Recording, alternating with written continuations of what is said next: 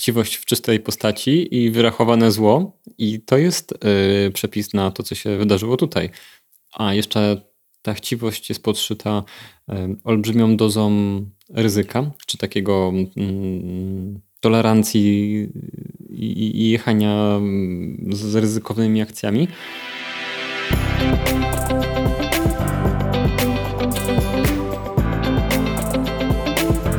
Cześć Łukaszu. Ciao Maciej, come stai? Bene? To jest dobra odpowiedź? Zależy jak się czujesz. Ja się czuję dobrze, tylko y, czemu jest tak, że co ja pojadę na urlop, to się coś zesra, za przeproszeniem, albo posypie. Ty mi powiedz, Maćku, to ty wybierasz urlopy, ja ci nie planuję. Zostawić cię z biznesem sam na sam i jest katastrofa tak, wyjeżdżałeś, powiedziałeś, Łukasz, pilnuj tego krypto, co by nie spadło, no nie? I co? Wróciłeś i wszystko pospadało. A no. czemu pospadało? No ty mi powiesz, bo ja byłem na urlopie i na konferencji i tylko mnie wszystko atakowało z każdego kąta, że y, FTX upadł i czekam tutaj na e, raport z pola bitwy. Dobra, to tak przejdźmy sobie w skrócie przez fakty może, a potem pogadajmy sobie o konsekwencjach, ploteczkach, potencjalnych wydarzeniach i tak dalej. Zaczęło się od tego, że w zeszłym tygodniu, dokładnie jak pojechałeś na urlop, bo chyba w środę, jeżeli dobrze pamiętam, tak, w środę, znaczy zaczęło się wcześniej, bo jakiś czas temu, chyba na początku października albo pod koniec października, Coindesk opublikował taki artykuł, w którym dostali, doszli do sprawozdań finansowych E, Alameda Research, czyli tej spółki, jednej z e, spółek e, sama Bankmana Frida, foundera FTX.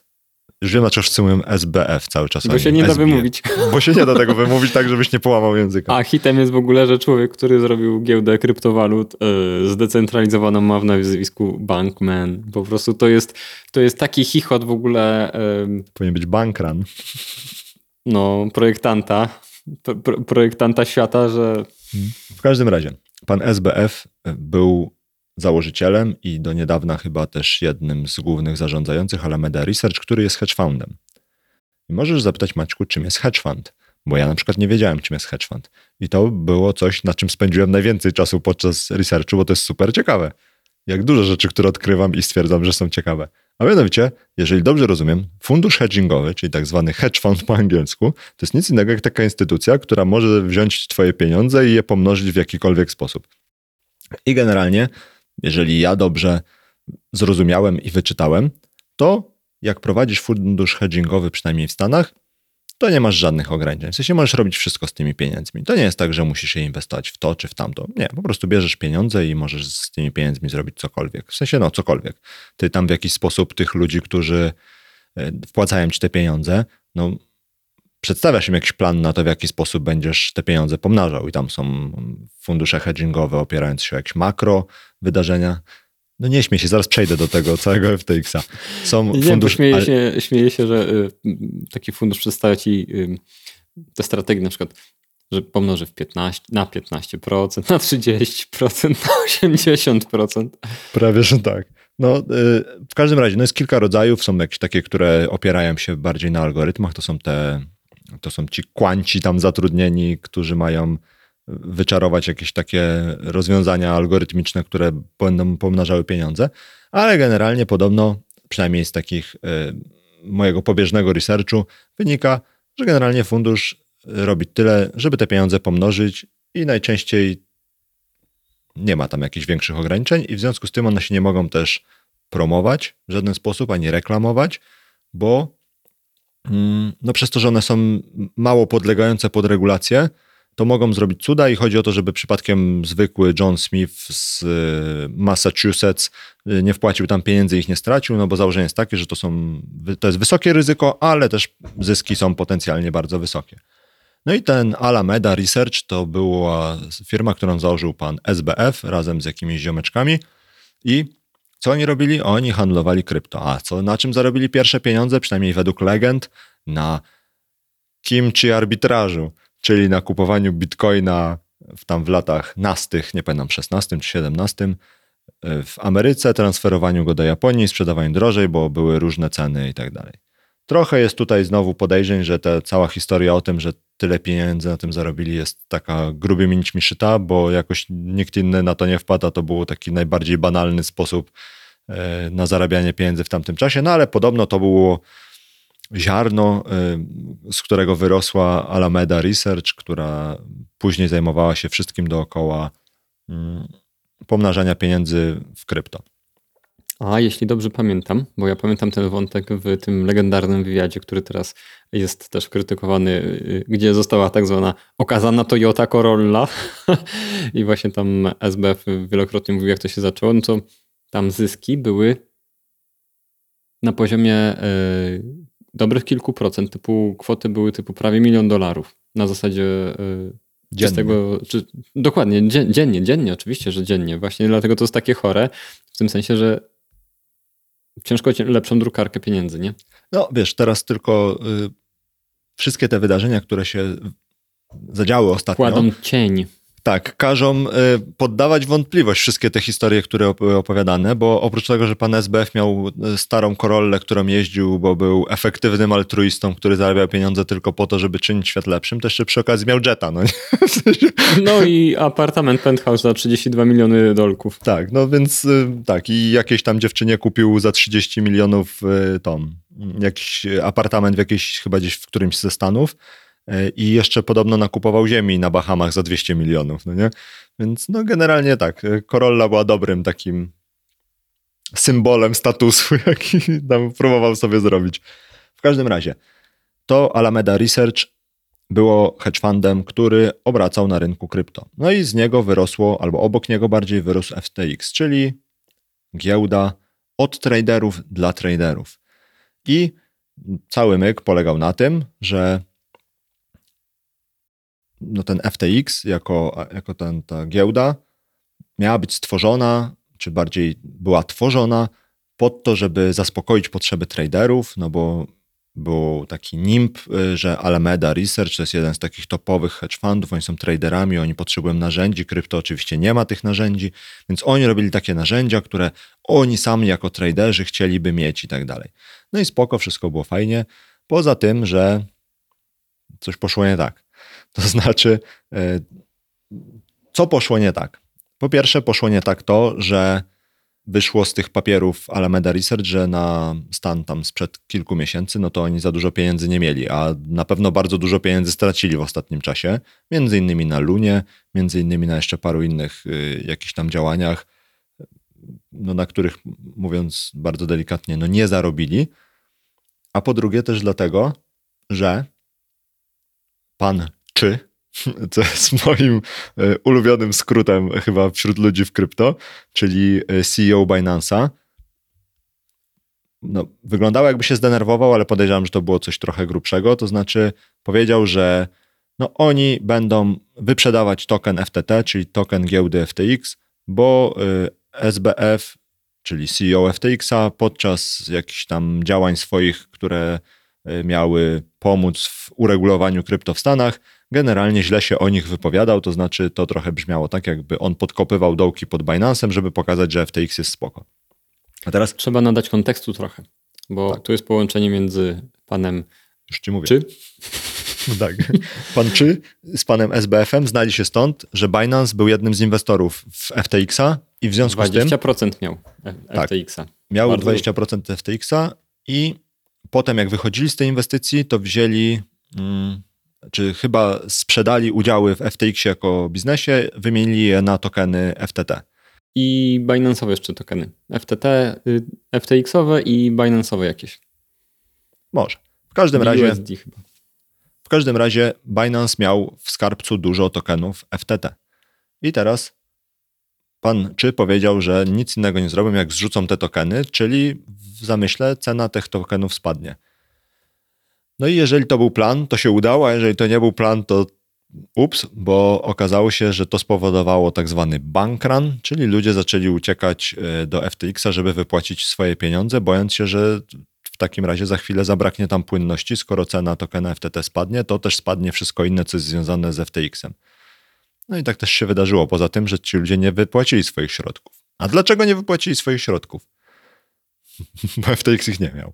A dlaczego ich nie miał? Bo pożyczył je Alamedzie, żeby miała czym obracać przy swoich traderskich zagrywkach. Tylko problem był jeszcze taki, że no niestety oni też już ich nie mieli, bo tak nimi potradowali, że one były albo już stracone, albo były w zupełnie niepłynnych tokenach, albo w prawie niepłynnych tokenach. I co to znaczy? To znaczy to, że prawie niepłynne tokeny to takie, które mają na tyle małą płynność i na tyle mało w ogóle ruchu na rynku jest nimi, że jakby je próbować sprzedać, to po pierwsze nie będzie miał kto ich kupić, a nawet jakbyśmy zaczęli sprzedawać, to ich cena tak drastycznie spadnie, że ta deklarowana cena tych tokenów, znaczy cena tokena razy liczba tych tokenów, które miała Alameda, no jest nijak się nie ma do rzeczywistości, bo jakby zaczęli je wyprzedawać, to ona by po prostu spadła i ta wartość była papierowa, tak. A niepłynne to takie, których na przykład Alameda miała 90% e, wszystkich tokenów na rynku, więc no generalnie byli prawie że właścicielami wszystkich tokenów na rynku, więc nie mieli co z nimi zrobić, no bo też nikt się nie kwapił do tego, żeby je, je kupić. No i cały ten, ten to, to zawirowanie i zamieszanie spowodowało, że FTX i jakby stał się niepłynny i w związku z tym no, nie mógł nikomu nic wypłacić. No i zaczęła się cała afera. Bo oczywiście pan SBF powiedział, że wszystko jest dobrze i teraz to jest pierwsza lekcja y, z, kolejnego, y, z kolejnej afery w krypto. Jak founder mówi, że wszystko jest dobrze, albo że to jest tylko błąd, albo coś takiego, to lepiej uciekać stamtąd, bo to najprawdopodobniej jesteśmy 24 godziny od upadku. To jest jakby pierwszy taka, wiesz, gwiazdka. Ale napisał, że jest wszystko spoko, że generalnie mają wszystko pod kontrolą. No i potem chyba na następny dzień, jeżeli dobrze pamiętam, yy, okazało się, że powiedzieli, że Binance kupi FTX-a, żeby jakby zapewnić tym wszystkim ludziom, którzy byli poinwestowani w FTX-ie przynajmniej płynność. Tam była tak, chodziła taka, yy, taka informacja o tym, że oni mają się kupić za jednego dolara, yy, ale E, przejąć jakby wszystkie te zobowiązania związane z e, użytkownikami. Chodziło generalnie, Binance przynajmniej próbował pokazać z takiej strony, że on chce spowodować, żeby przynajmniej ci użytkownicy nie stracili swoich środków, a samego FTX-a e, kupią za przysłowiowego, czy tam literalnie za dolara. No i zaczął się due diligence. A, bo jeszcze jedna ważna sprawa. FTX miał dwa byty. FTX.com, czyli taką giełdę, która była dla całego świata i FTX US, czyli taką giełdę dużo bardziej okrojoną dla amerykańskiego rynku, który tam, znaczy w założeniu ten FTX US był e, no bardziej, albo w ogóle był jakoś tam zgodny z regulacjami i on tam był, mógł funkcjonować na rynku amerykańskim, a ten FTX.com miał dużo więcej feature'ów i różnych rzeczy. Tam była wolna Amerykanka i on był na rynki poza Stanami. I on był zarejestrowany właśnie chyba tam na Bahamach. No i w każdym razie Binance miał przejąć tego FTX.com, bo domniemanie było takie, że FTX US, przez to, że był taki zgodny z e, wszystkimi regulacjami amerykańskimi, no to on, że z nim jest wszystko w porządku. No okazało się, że nie jest, ale to już e, zaspoilowałem trochę. No i zaczął się due diligence. No i tam chyba po dwóch dniach czy po jednym dniu e, pan Czy napisał, że nie, nie kupimy tego FTX-a, tam jest taka dziura w budżecie, że nawet my tego nie będziemy próbować pokrywać, ani nic z tym robić. No i wtedy się okazało, że no generalnie wszyscy, którzy są, którzy mieli jakiekolwiek środki w FTX-ie, no to że chciałem użyć brzydkiego słowa, że gdzie są, ale generalnie nie są w dobrym miejscu, no bo nie da się nic stamtąd wypłacić. E, zaraz ci powiem, tam jest estymowane chyba, że w, tam była dziura na 8 miliardów dolarów, czy coś w tym stylu, że FTX-owi... Te, te, szacunki się chyba zmieniają, bo ja kilka różnych y, kwot słyszałem. Trudno, żeby tak ktoś z boku to wziął i wszystko ładnie po, podsumował. Y, to trochę można by powiedzieć, że a, jeden miliard w tą czy w tą nie robi żadnej Dokładnie, różnicy. tak. To jest taka tak. skala, że tak. są zaokrąglenia do pełnych dziesiątek miliardów po prostu. Prawie, że tak. W każdym razie no, stanęło na tym, że y, mają chyba 9 miliardów zobowiązań, a niecały miliard y, środków, które mogliby w ogóle jakkolwiek użyć. No i jak do tego doszło?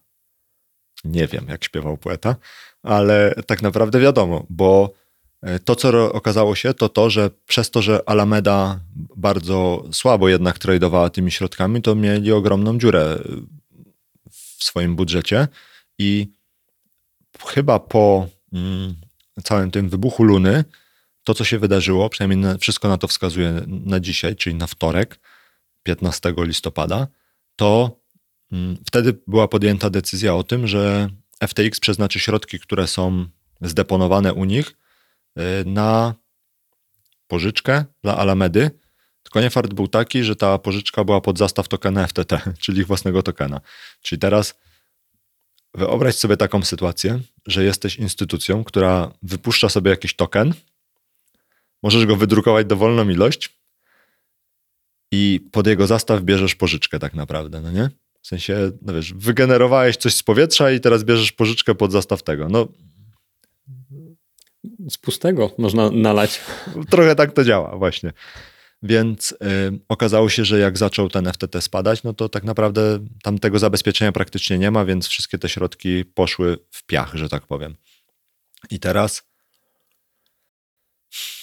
No co teraz? No teraz jest tak, że na dzień dzisiejszy, no to FTX i wszystkie jego tam zależne spółki, których było tylko 130, złożyły papiery o bankructwo, czyli E, no jakby przyznały się do tego, że no jakby w żaden sposób nic tam już nie będą próbowały operować i generalnie sprawa jest powiedzmy sobie, że o tyle zamknięta, że chyba już nikt się nie łudzi, że cokolwiek da się z tego wyciągnąć. Ale wypływają na światło dzienne różne ciekawe ciekawostki o tym, jak cały ten biznes funkcjonował. Te ciekawostki i... są y, mrożące krew w żyłach w ogóle. Tak, no bo no, sam ten proces tego upadku FTX-a to poza tym, że jest super szybki, no to nie jest jakiś taki specjalnie odkrywczy, w sensie to już tak bywało. Słuchaczy, ale to dla naszych słuchaczy no. z poziomu 32 miliardów e, dolarów wyceny, no opartej o różne, o różne rzeczy, tak? O ale, finansowe głównie. No. Tak. Y, w, powiedzmy w 30 parę godzin, tam nie, poniżej 48 godzin Firma zbankrutowała z 32 miliardów do zera zjechała w niecałe 40 godzin, 48 godzin. Także takiej skali e, bankructwa, ja nie jestem jakimś ekspertem finansowym, ale ja nie słyszałem o takim tempie po prostu wyzerowania nie, no, biznesu. Tak, tu e, ten wartość razy tempo, to tutaj jest e, rekord świata na pewno, bo nie wiem, czy sama wartość, czy, czy, czy samo tempo, ale na pewno jakby to pomnożyć, to, to, to, to jest mistrzostwo świata. No i no mówię, sam ten proces no, jakby nie jest spektakularny o tyle, że no, to nie jest pierwsza instytucja w historii świata, której nie poszło, jeśli chodzi o fundusze hedgingowe, no bo fundusze hedgingowe, z tego tak na szybko sprawdziłem, no to one, no, zdarza im się po prostu y, upadać w mniejszych lub większych. Jeżeli są większe, no to czasami je ktoś ratuje, jeżeli są mniejsze, to chyba sobie po prostu upadają i umierają, tracąc środki. Jest to też pierwsza instytucja, która pomieszała depozyty z e, środkami na inwestycje. To też już miało miejsce. MF Global chyba był jakiś taki fundusz, e, którego historii jeszcze nie zgłębiłem, ale który jest pokazywany jako taki przykład tego samego, co się wydarzyło z FTX-em i Alamedą.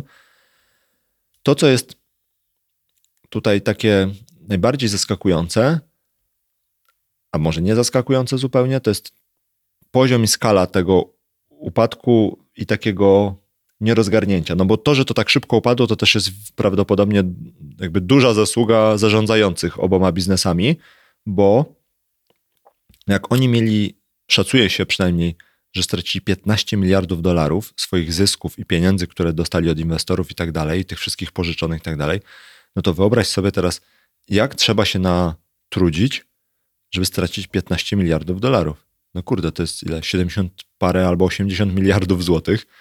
To to jest naprawdę bardzo dużo pieniędzy. No i no nie wiem, co ci mam Maćku powiedzieć. W sensie to jest kolejny chyba przykład na to, że nasza teoria o tym, że w krypto brakuje tak zwanego komponentu siwego włosa, ma jak najbardziej rację i jakby jest zasadna, no bo trochę teraz te wszystkie newsy, które wypływają, do których możemy zaraz poprzechodzić do co ciekawszych, no one wszystkie pokazują taki obraz, że to była po prostu banda dużych dzieci, którym się wydało, wydawało, że no, chodzą po wodzie i nie zostawiają kółek, bo tacy są wspaniali i że generalnie są mądrzejsi niż cały rynek i że oni wymyślili niesamowicie jakieś wspaniałe rzeczy. A tak naprawdę jedyne, co wymyślili, to jest to, że wymyślili, jak zebrać duży kapitał z rynku i w czasie hossy go inwestować. Im się wydawało, że ta hossa, no jakby rośli razem z rynkiem, tylko dużymi kwotami, więc wydawało się, że są tacy wspaniali, bo tyle zarabiają.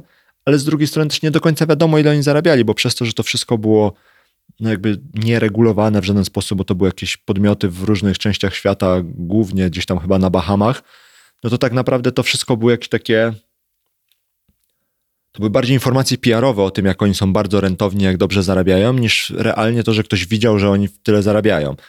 Więc no nie wiem, no jak są deweloperzy, którzy, jak są deweloperzy juniorzy, którzy piszą, piszą te wszystkie takie e, projekty w krypto, które potem są hakowane, tak samo chyba zarządzający też są juniorami i tak samo zarządzają, no bo te historie tam z wnętrza, no to są takie, że generalnie pan SBF to myślał, że on jest taki mądry, że teraz będziemy robić to a teraz to, a teraz to i na wszystkim będziemy zarabiać. A jak nie zarabiali, no to musimy więcej, bo teraz już zaczniemy zarabiać i tak dalej. A mi się wydaje, że to nie jest komponent siwego włosa, tylko to jest y, chciwość w czystej postaci i wyrachowane zło i to jest y, przepis na to, co się wydarzyło tutaj.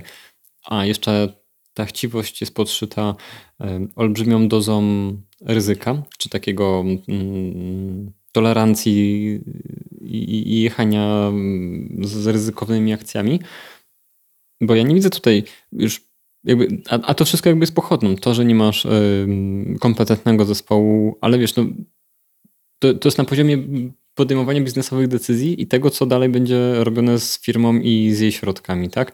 I hachmęcenia. I to, co mnie jakby ym, przeraża w tym y, wszystkim, bo to nie mogę innego słowa użyć, tylko że to mnie przeraziło, jest to, jak masz takich, wiesz, y, czarne charaktery z filmów, takich villains typowych, nie? Masz takiego Jokera, który jest zły do szpiku kości. Kurde, no to ja tutaj nie widzę bardzo wielu różnic pomiędzy takimi osobami, które jadą na reputacji koroli i zarabiania dla rozdawania, kupują sobie 30, za 32 miliony dolarów apartament, i tak dalej, i tak dalej. No po co, po co ci lepszy samochód, jak masz jet prywatny, nie? I mieszkasz na Bahamach, gdzie nie masz za dużo dróg do pojeżdżenia. No jakby nie widzę, nie, nie widzę po prostu nie, nie, spodziewałem się, że będę świadkiem, a jestem świadkiem powiedzmy takim y, twitterowym, y, z, z, z, pierwszej twitterowej ręki to widzę, i nie, nie, nie, nie byłem w stanie sobie jakby uzmysłowić, że można tak w, bez, w tak bezczelny sposób tak wielu ludzi, że tak powiem, okradać i, i malwersować te środki pod przyprywką nobliwych takich celów po prostu, nie? Maćku, czemu nie założyłeś giełdy kryptowalut? Albo chociaż funduszu hedgingowego w świecie jest krypto. miliard powodów. No, podaj jakiś jeden, taki Na pierwszy przykład, nie, nie umiałbym, nie? Oni też nie umieli. Patrz, ale działało, ale nie no, wiesz, działało. Nie działało. Coś. Właśnie widzisz, problem jest taki, że nie działało, bo są te jakieś takie, mm, to się nazywa, nie wiem jak to się nazywa tak fachowo, ale masz generalnie zysk, który jest, który się nazywa beta i to jest coś takiego, że twój zysk rośnie proporcjonalnie do tego, jak rośnie rynek. To znaczy, wiesz, jak jeżeli rynek rośnie 20%, a twój fundusz rośnie 20%, no to tak naprawdę jedziesz równo z rynkiem, no nie? W sensie nie ma tu żadnej magii. I teraz wydaje mi się, że cała magia i cały ten taki, wiesz, boom i to, co oni próbowali przedstawić, to jest nic innego jak podkoloryzowane to, że rośli równo z rynkiem. Wiesz, w sensie jakby nic nie robili, to by urośli dokładnie tak samo, a to, co się jedynie zmieniało, to jest to, że oni obracali dużymi środkami, no nie? I teraz tam są takie historie o tym, że wiesz, oni robili, yy, przynajmniej, znaczy oni, oni to znaczy, Alameda wykorzystywała dane o tym, co się dzieje na FTX-ie i robili e, to, o czym czytałeś książkę. E, front running.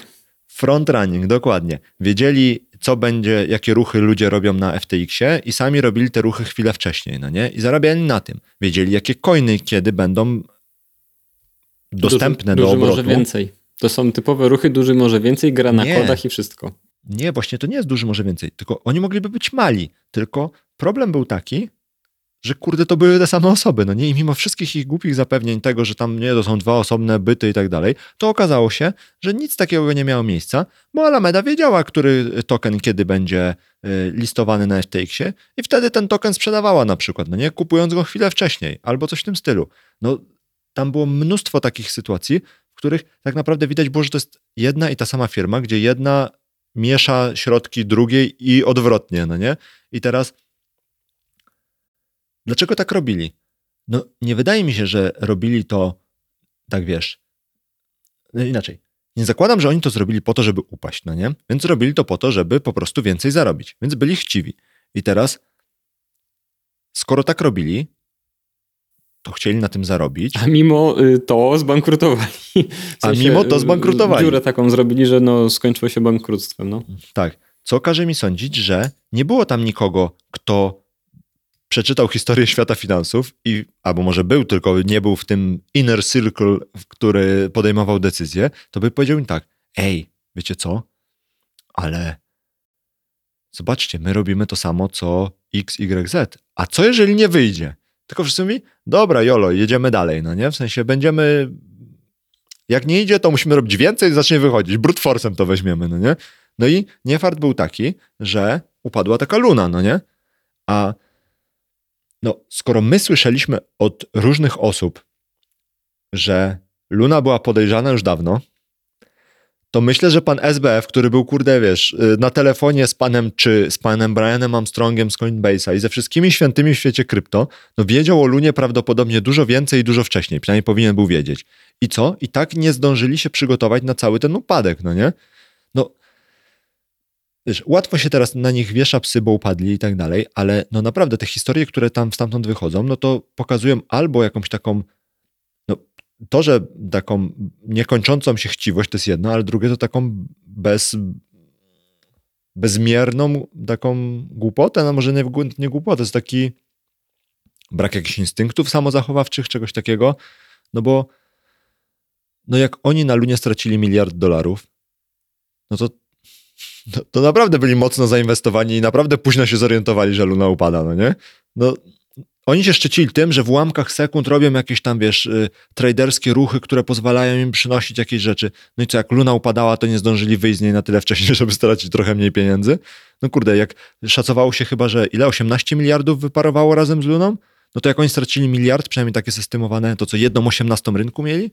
No kurde, no to Wydaje się, że kto jak kto, ale taka Alameda, która widzi wszystko, co się dzieje na rynku, no to powinna szybciutko zrzucić worki i uratować się, żeby stracić jak najmniej. A co, nie udało się, no nie?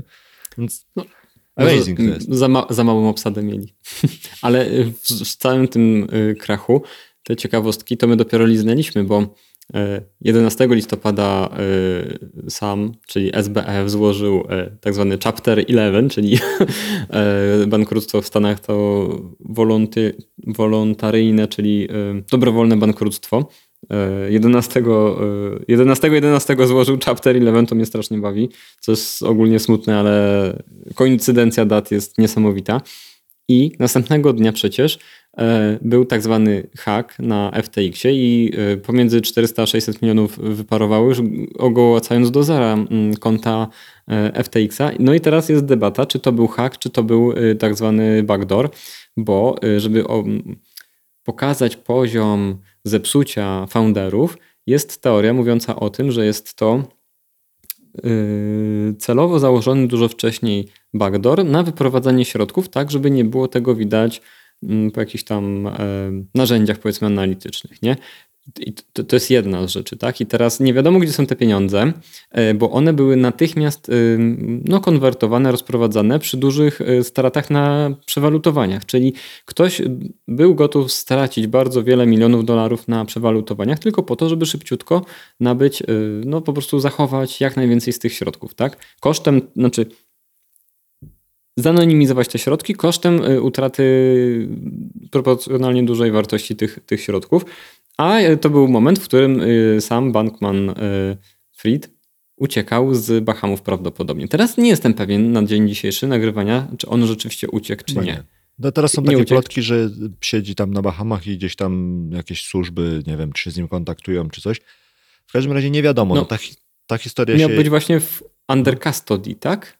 Teraz dzisiaj nie wiadomo tak naprawdę. W sensie, jak sobie o tym e, czytałem i szukałem, to nie ma żadnej jakiejś takiej, wiesz, e, bardziej potwierdzonej historii, znaczy jedna, żeby była bardziej potwierdzona niż inne, no bo była historia o tym, że podobno uciekał do Argentyny, no potem właśnie, była historia, że do Dubaju jetem. próbował. E, tak naprawdę nie do końca wiadomo.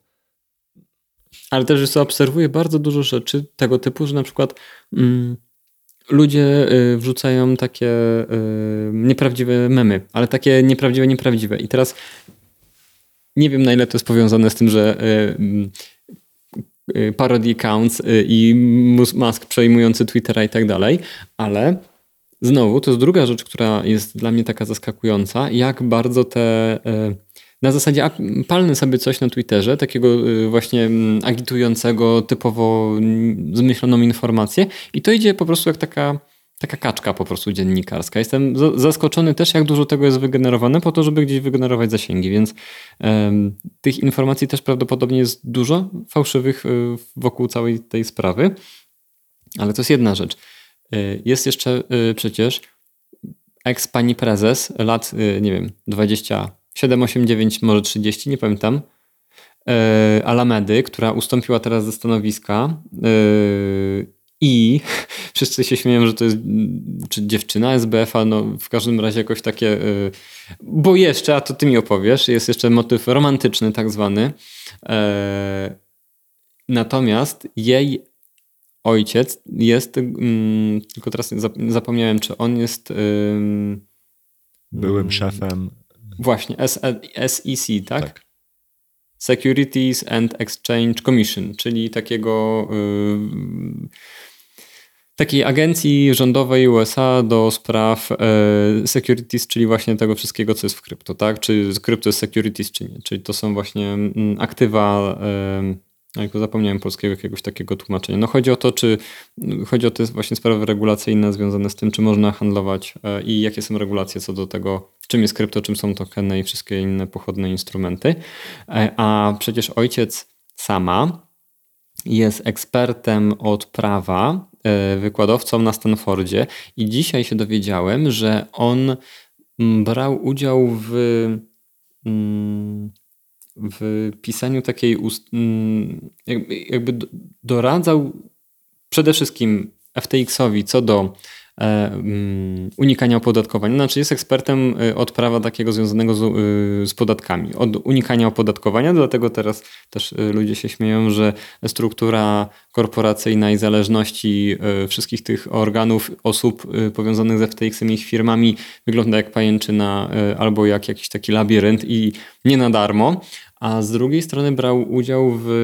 I chodziło mi o Elizabeth Warren i mm, taką ustawę ona przedłożyła. Proponowała, przedłożyła właśnie, tak, chodziło mi o słowo przedłożyła, która była mm, konsultowana, po angielsku to się mówi endorsed, nie, nie, nie do końca jestem pewien tłumaczenia takiego na polski, ale była wspierana czy konsultowana przez innymi ojca właśnie SBF-a, który jest ekspertem właśnie prawa podatkowego na Stanfordzie.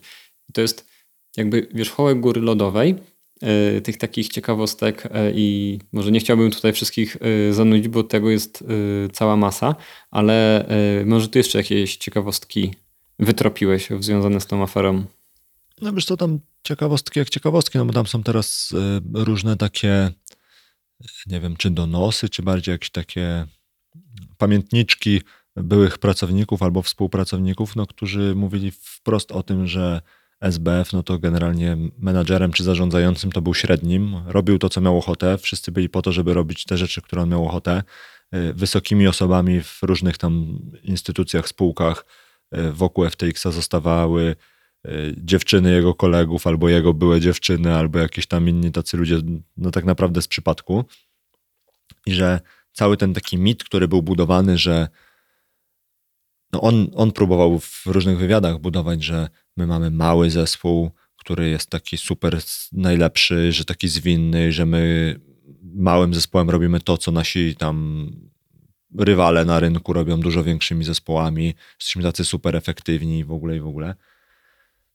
Trochę to wygląda na to, że to nie do, do końca tak było. To znaczy, że no po pierwsze tam wychodzi teraz na jaw to, że gość różnego stymulanty chyba lubił używać, a z drugiej strony zachęcał innych do używania, e, a dodatkowo, no to koniec końców to, to trochę wyglądało jak jakaś taka instytucja, która robiła to, co on chciał, a jemu się wydawało, że jest taki super mądry, że wszystko wie i to nie wygląda tak, jakby oni faktycznie tworzyli jakąś taką wartość, czy coś takiego dla samego środowiska, czy, czy w ogóle dla ludzi, czy dla klientów, tylko bardziej dla siebie samych. To znaczy, że oni tworzyli produkty po to, żeby żeby im było łatwiej robić rzeczy, które im generowały pieniądze, no nie?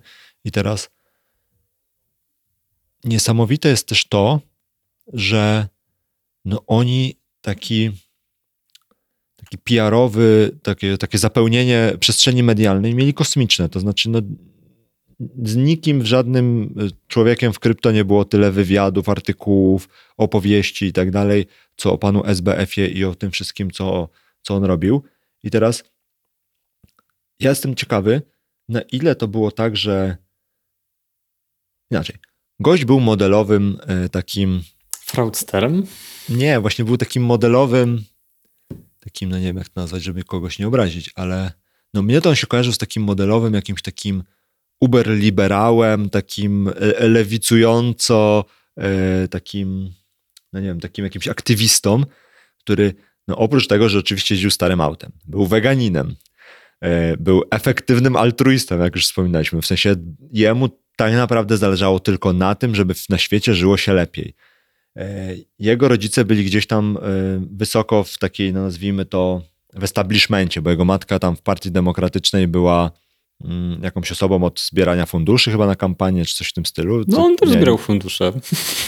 On generował fundusze na tę kampanię. Dla siebie, tak. E, tak. Jego ojciec i ojciec tej dziewczyny, która była e, zarządzającą niby tą Alamedą po tym, jak on stamtąd odszedł, też był gdzieś tam na jakimś MIT, czy gdzieś profesorem i też gdzieś tam się udzielał w różnych takich, nazwijmy to, e, wysokich kręgach, no nie? I jestem ciekawy, na ile on był, wiesz, takim faktycznie zamodelowaną taką postacią, którą chciał być, no nie? takim przeciwieństwem y, ludzi z krypto. No bo zobacz, że najczęściej taki kryptobro to jest gość, który ma bardzo prawicowe poglądy, jest takim libertarianinem, ale w takim kształcie, że wiesz, broń, każdy sobie, y, twoje klucze, twoje krypto i tak dalej. to jest taki, wiesz, modelowy obraz. A on był takim odwróceniem, właśnie źle powiedziałem, że on był liber... on był taki liberalny w tych takich wszystkich swoich... Yy takich społecznych bardziej kwestiach, e, w sensie, wiesz, wszystkie kwestie związane z jakimiś, jak to powiedzieć,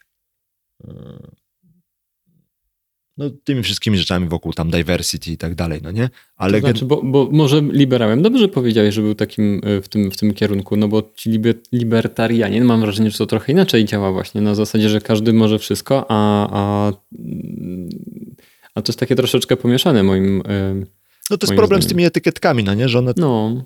no. Ale wiesz, no gość generalnie, jak teraz sobie na to patrzysz tak z odległości, no to wydaje się, że był, wiesz, y, taką wersją lustrzaną, no nie jak lustrzaną, taką antywersją tych wszystkich takich kryptobros i chodził do, po, wiesz, y, on jako jedyny sponsorował partię demokratyczną, chodził do tego kongresu chętnie i, i jakby, wiesz, udzielał I się. I namawiał do regulacji też. Tak, namawiał do regulacji, czy, jakby robił wszystko jakby tak, wiesz, prawie że dokładnie odwrotnie niż tamci, no nie? No, i co? A okazało się, że wcale nie, że tak naprawdę robił wszystko dokładnie to, co tamci, tylko to była jakaś taka poza, taki, wiesz, taki, taki tak jakby on był wręcz zaprojektowany pod to wszystko. No nie jestem ciekawy, na ile to było, wiesz, jakiś taki faktycznie, że on taki był, bo z takiego środowiska się wywodził, czy w takim środowisku się wychował i on taki był, a że wszedł w to krypto, no to, no to wyszło jak wyszło.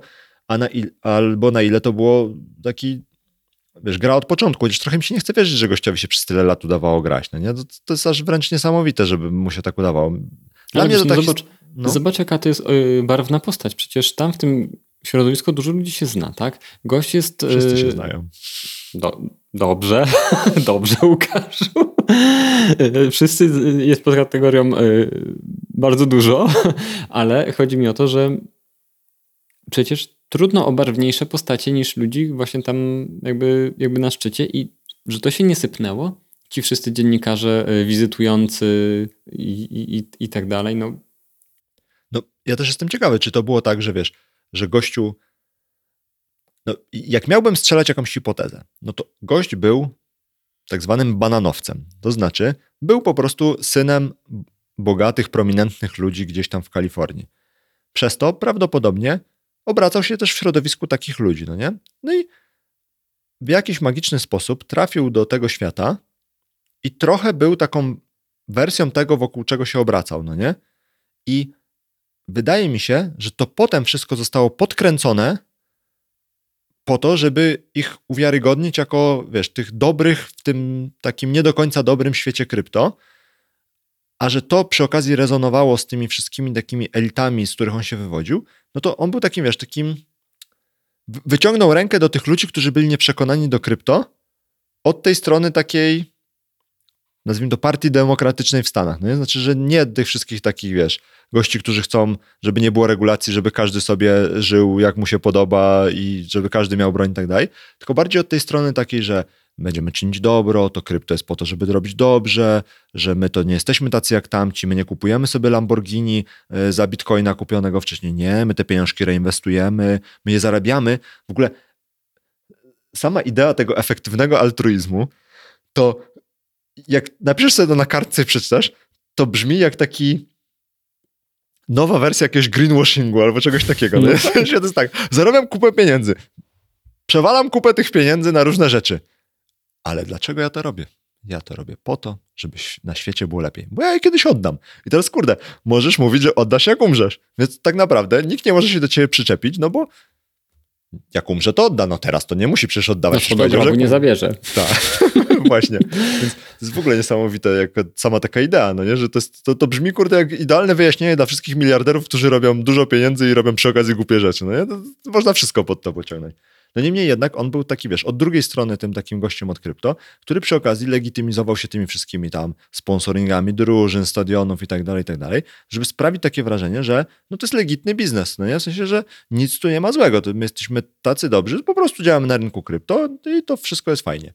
Tylko problem chyba jest taki, że po prostu nikt tam nie umiał robić biznesu. Ani nikt nie umiał prowadzić funduszu hedgingowego, ani nikt nie potrafił prowadzić startupu technologicznego, ani nic. No, no, a zobacz, ile tam jest przecież inwestycji porobionych przez FTX i przez y, Alamedę. Tam jest bardzo dużo startupów y, dużych. Podobno 2 y, miliardy jest szacunek, że ty, ty, tyle pieniędzy włożyli w cały ekosystem, więc to już tyle dobrego. Gorzej, jak się. Ale nie, nie, nie, nie, nie. Właśnie mi się nie wydaje, że to jest tyle dobrego, bo zobacz, że przynajmniej jeżeli to, co przeczytałem, nie jest manipulacją, to jest prawdopodobieństwo, że model inwestycyjny był taki, że Alameda cię sponsoruje w tym sensie, że robi inwestycje w twój startup, na przykład w jakiejś formie tokena e, albo no, tam powiedzmy gotówkowej. Startup generuje te tokeny na przykład. Bywa różnie, tak? Ale potem ten startup ma otrzymać kasę czy tokeny na FTX-ie. I teraz, co może zrobić FTX? Na przykład może wytransferować, nikomu nie mówiąc, te tokeny tak, do Alamedy. I co ta Alameda może zrobić? Zainwestować. Zainwestować. I to się może kręcić w kółko. I to jest y, o tyle ciekawe, że nie tylko w te startupy, ale też y, są głosy, że FTX y, do Sequoia z powrotem wpłacił kilkaset milionów i do innych dużych VC. I teraz to jest niezła patologia, no bo to jest tak, że oni dostali na przykład dużą rundę finansowania, zebrali trochę kasy z różnych dziwnych miejsc i oddali z powrotem te, te pieniądze do tych funduszy. I teraz co się okazuje, że to jest tak, że te fundusze są jakby umoczone, tak? No bo jest jakiś pieniądz od swojego jakby podwładnego i to jest zupełnie nie, nie spoko sytuacja od strony takiej czy dla tych partnerów tych funduszy inwestycyjnych i tak dalej w tym momencie, kiedy to upada. A są jeszcze w ogóle fundusze, które są dużo mniejsze, na przykład mają 200 milionów dolarów w zarządzaniu i one miały 100 milionów dolarów na takim FTX-ie w momencie, kiedy oni upadali. I teraz jest taki fundusz, którego na G. E, o, ciekawe, że on uciekł przed y, upadkiem Luny, ale niestety nie uciekł przed upadkiem FTX-a. Ten Genesis, Teraz, tak? Chyba tak. Na G, zapomniałem, zapomniałem nazwy. W każdym razie, no oni tam nie wiem, no może 1% teraz odzyskają, ale cała reszta no to będzie walka no, wieloletnia. I teraz, jeżeli FTX no, przejdzie przez ten proces bankructwa, no to oni będą jednym z dłużników właśnie. I będą dzięki temu, że będą jednym z dłużników, mogli przechodzić i dochodzić swoich, mm, y, swoich praw w sądach gdzieś za, za parę lat. No i połowę majątku takiego funduszu wyparowała de facto razem z FTX-em, nie? No wiesz, fundusze to, znaczy inaczej. Funduszy mi nie jest aż tak bardzo szkoda. W sensie takim, że w założeniu tam pracują ludzie, którzy wiedzą, co jest grane, dużo widzą. Mają pieniądze, nadwyżki mają inwestują. Pieniądze. No tak, generalnie to są tacy sophisticated players, przynajmniej w teorii. Ale to, czego mi tak naprawdę szkoda, no poza takimi zwykłymi ludźmi, którzy trzymali sobie tam krypto i teraz już nigdy go nie zobaczą, to jest mi szkoda startupów. Tych startupów, które były, jakby ich inwestorem był FTX Ventures, czyli to ich ramię takie venture kapitałowe, nazwijmy to. Bo jeżeli faktycznie było tak, że ty dostawałeś kasę, no powiedzmy, że to była normalna inwestycja, nie tam z jakiejś, wiesz, patologie, jakieś cuda na kiju, tylko dostawałeś po prostu kasę i twoim inwestorem był FTX Ventures, ale miałeś takie założenie, że ty musiałeś te środki, no bo zakładam, że to było, inwestycja była w krypto, a nie w dolarach, choćby w stablecoinach, no nie?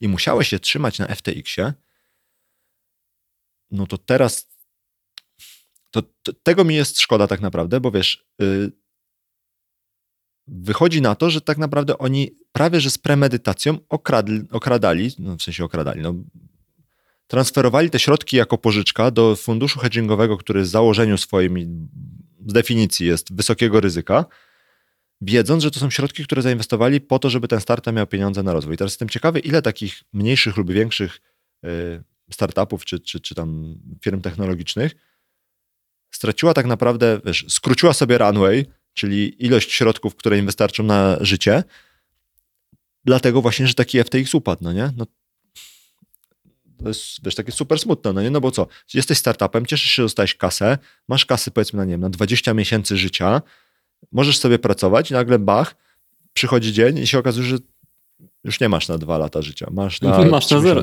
Masz na, nie no, możesz mieć na przykład na zero, no bo jeżeli mm, podejdziesz do tego, że masz tokeny, które na przykład na pensję pracowników wypłacasz on demand, nie? Przychodzi pierwszy nie, i no to wypłacasz. raczej stablecoiny pewnie były albo coś No dobra, no to stablecoiny, ale whatever, nie? No to masz stable, stablecoiny, które musisz wytransferować do papierowych dolarów.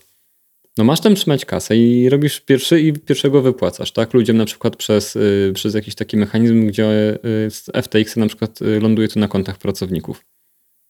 Albo nawet na twoje konto i potem idzie, nie? No, nie, nie wiem, jakie są te szczegóły, ale y, czytałem o, o, o startupie, który, tylko nazwy nie podawali, który w ten weekend teraz właśnie był, napisał wszystkim pracownikom, żeby zaczęli pisać CV i tak dalej, i tak dalej, bo jakby, bo, bo, nie mają żadnych pieniędzy po prostu na wypłaty. Z dnia na dzień, nie? No. Nie no, bo to jest wiesz, taki klasyczny przykład tego, że masz dużą instytucję, która wydaje się, że jest w miarę stabilna, mimo że na niestabilnym rynku, no ale kto jak to oni wydają się być stabilni i ryzyko diagnozujesz z takiej strony, że nie wiem, będzie regulacja jakaś, będziesz musiał zapłacić podatki. Albo, że nie zdążymy zrobić tam, nie wiem, product market fitu, a nas nie zainwestuje żaden inny fundusz, albo nie będziemy mieli takiej sprzedaży, żeby utrzymać tą firmę i tak dalej. W sensie patrzysz w ogóle na inne ryzyka, no nie, bo ci się wydaje, że no skoro to jest taki wielki fundusz, yy, sponsorują, znaczy biznes, no nie, sponsorują Miami Heat, stadion, na którym gra Miami Heat, yy, albo kupują reklamy na Super Bowl, albo coś takiego, no to sobie myślisz, że no dobra, ale jak się będą składać, to się nie będą składać tak, że nagle bach i wybuchnie i wszystko spadnie. No będą robić tam, to, to wszystkie firmy technologiczne. Zrobią zwolnienia, restrukturyzację, podwyższą ceny, cokolwiek, cokolwiek. A tu nagle przychodzisz, kurde, w czwartek i już nie masz żadnych pieniędzy, no nie? Przerażająca wizja, jeśli chodzi o, o takie prowadzenie biznesu. No ale no to jest, wiesz, jeden z debeneficjentów całej tej sytuacji. Ciekawy jestem, jak to cała, jak cały ten, ten całe to, co się dzieje wokół tego FTX-a się rozwinie. No bo jedno, co też mnie zastanawiało, to jest to, że nie ma takiego wątku jeszcze, albo przynajmniej się nie pojawił, który często był przy tych wszystkich różnych y, projektach dookoła krypto.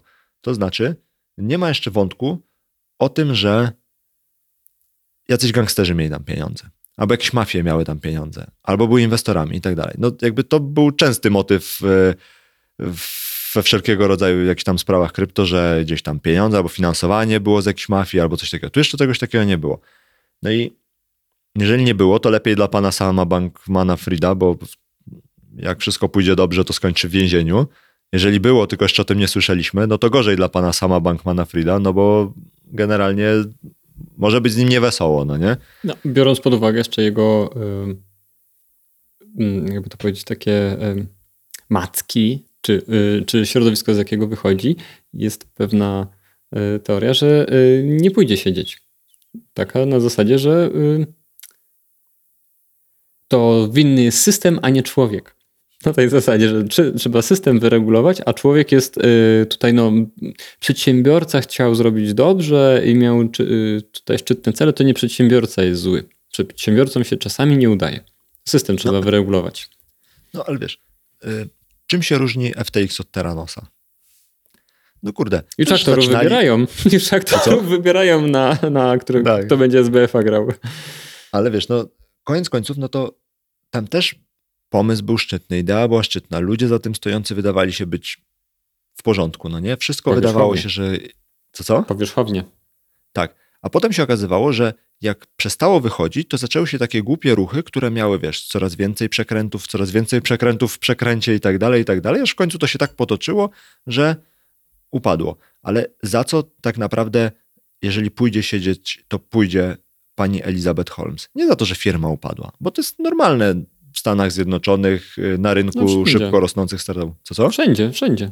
No tak. Ona pójdzie siedzieć za to, że kłamała w sprawozdaniach finansowych, za to, że kłamała inwestorom, za to, że przerabiała dokumenty finansowe, no nie, żeby wyglądało lepiej. I teraz, no tutaj jest, może być podobny case, to znaczy wiesz, pan sam Bankman-Fried nie pójdzie siedzieć za to, że doprowadził do upadku FTX-a i tam, że zbankrutowało ileś firm i tak dalej, które pociągnie za sobą. Pójdzie siedzieć za co? No i też nie za to, że pożyczał środki Alamedzie, no bo nikt mu tego prawdopodobnie nie zabroni. Jeżeli pójdzie siedzieć, to pewnie pójdzie siedzieć za to, że nie wiem, że nie dopełnił jakichś formalności, albo że. Ale wiesz co, zależy jak to jest chyba skonstruowane, bo wydaje mi się, że to, co jest tam um, karygodne w sensie takim karnym, jest to właśnie, że on przetransferował środki e, klientów. Bo masz, nie? Chyba nie. Z tego, no wiesz, biorąc pod uwagę, że to jest e, firma zarejestrowana na Bahamach, to myślę, że no też nie jest bez powodu zarejestrowana tam, no nie? W sensie, że, no wiesz, no biorąc pod uwagę, że tam struktura to jest 130 różnych spółek, które są jakimiś dziwnymi zależnościami porobione, to myślę, że przy całej takiej układance ciężko zakładać, że Bahamy są tam wybrane przez przypadek i że oni sobie, wiesz, tak po prostu na luzaku przelewali, no, pożyczali e, środki pomiędzy dwoma firmami. No nie? W sensie nie chce mi się wierzyć, że, że to nie było, wiesz, obcykane i sprawdzone, czy oni tak mogą zrobić, czy, czy to nie jest jakiś ten. Wydaje mi się, że jeżeli pójdzie siedzieć, to pójdzie siedzieć za jakieś takie, wiesz, tak naprawdę drugorzędne z punktu widzenia całego ekosystemu, czy z punktu widzenia ludzi, którzy stracili pieniądze, rzeczy w stylu, wiesz, podpisał raport, który był niezgodny no tak. z rzeczywistością, albo coś takiego, pójdzie siedzieć tam w jakichś zawiasach, albo go wybronią, bo właśnie, bo był y, małym, y, nieumiejącym nic żuczkiem, który został rzucony na głębokie wody i tak dalej. Więc smutna jest to cała ta historia, a ciekawe jest to, jak zaczną się rozplątywać te historie, gdzie oni byli umoczeni. Polityczne? Nie, te polityczne to mnie tam nie ruszają, bo wiesz, te polityczne to, to wydaje mi się, że to też jest taki case, że to jest dobry sposób, jak jesteś takim powiedzmy republikaninem, żeby teraz y, mieć narzędzie do walki politycznej, że wiesz, że tam matka i w ogóle to Joe Biden, no nie, na tym skorzystał. Mm. W sensie, prawie, że mu do kieszeni włożył pieniądze. Myślę, że myślę, że Ameryka widziała większe takie, wiesz... Yy, dziwne sytuacje, jeśli chodzi o finansowanie polityków, jakieś takie związki polityki z biznesem, żeby realnie kogoś to wiesz, gdzieś. To jest taki e, w walce politycznej amerykańskiej wydaje mi się, że to jest taki, wiesz, coś, co będzie żyło przez parę tam tygodni i się skończy, bo nikt nikogo nie złapie jakoś tak, wiesz, porządnie za rękę i tam te wszystkie rzeczy będą takie... Nie. Bardziej jestem ciekawy, gdzie oni mieli jeszcze swoje jakieś takie... Mm, punkty styku albo punkty nacisku w całym świecie krypto, no nie? No bo wiesz, to jest duża giełda, dużo tam było środków i tak dalej, ale pytanie, co jeszcze za nimi poleci, no nie? W sensie, no wiesz, jakby się okazało, że nagle, tak jak są teraz jakieś tam spekulacje, że wiesz, poleci za tym i Crypto.com, i jakiś tam KuCoin i coś tam jeszcze, i coś tam jeszcze, no to nagle się okaże, że wiesz, na rynku co, zostanie coin Coinbase, tak? Tak się nazywa ten, ta giełda? No Coinbase, Coinbase albo Binance. Binance, no nie? I jakieś pomniejsze lokalne giełdy. No jak tak się stanie, no to będzie średnio, no nie?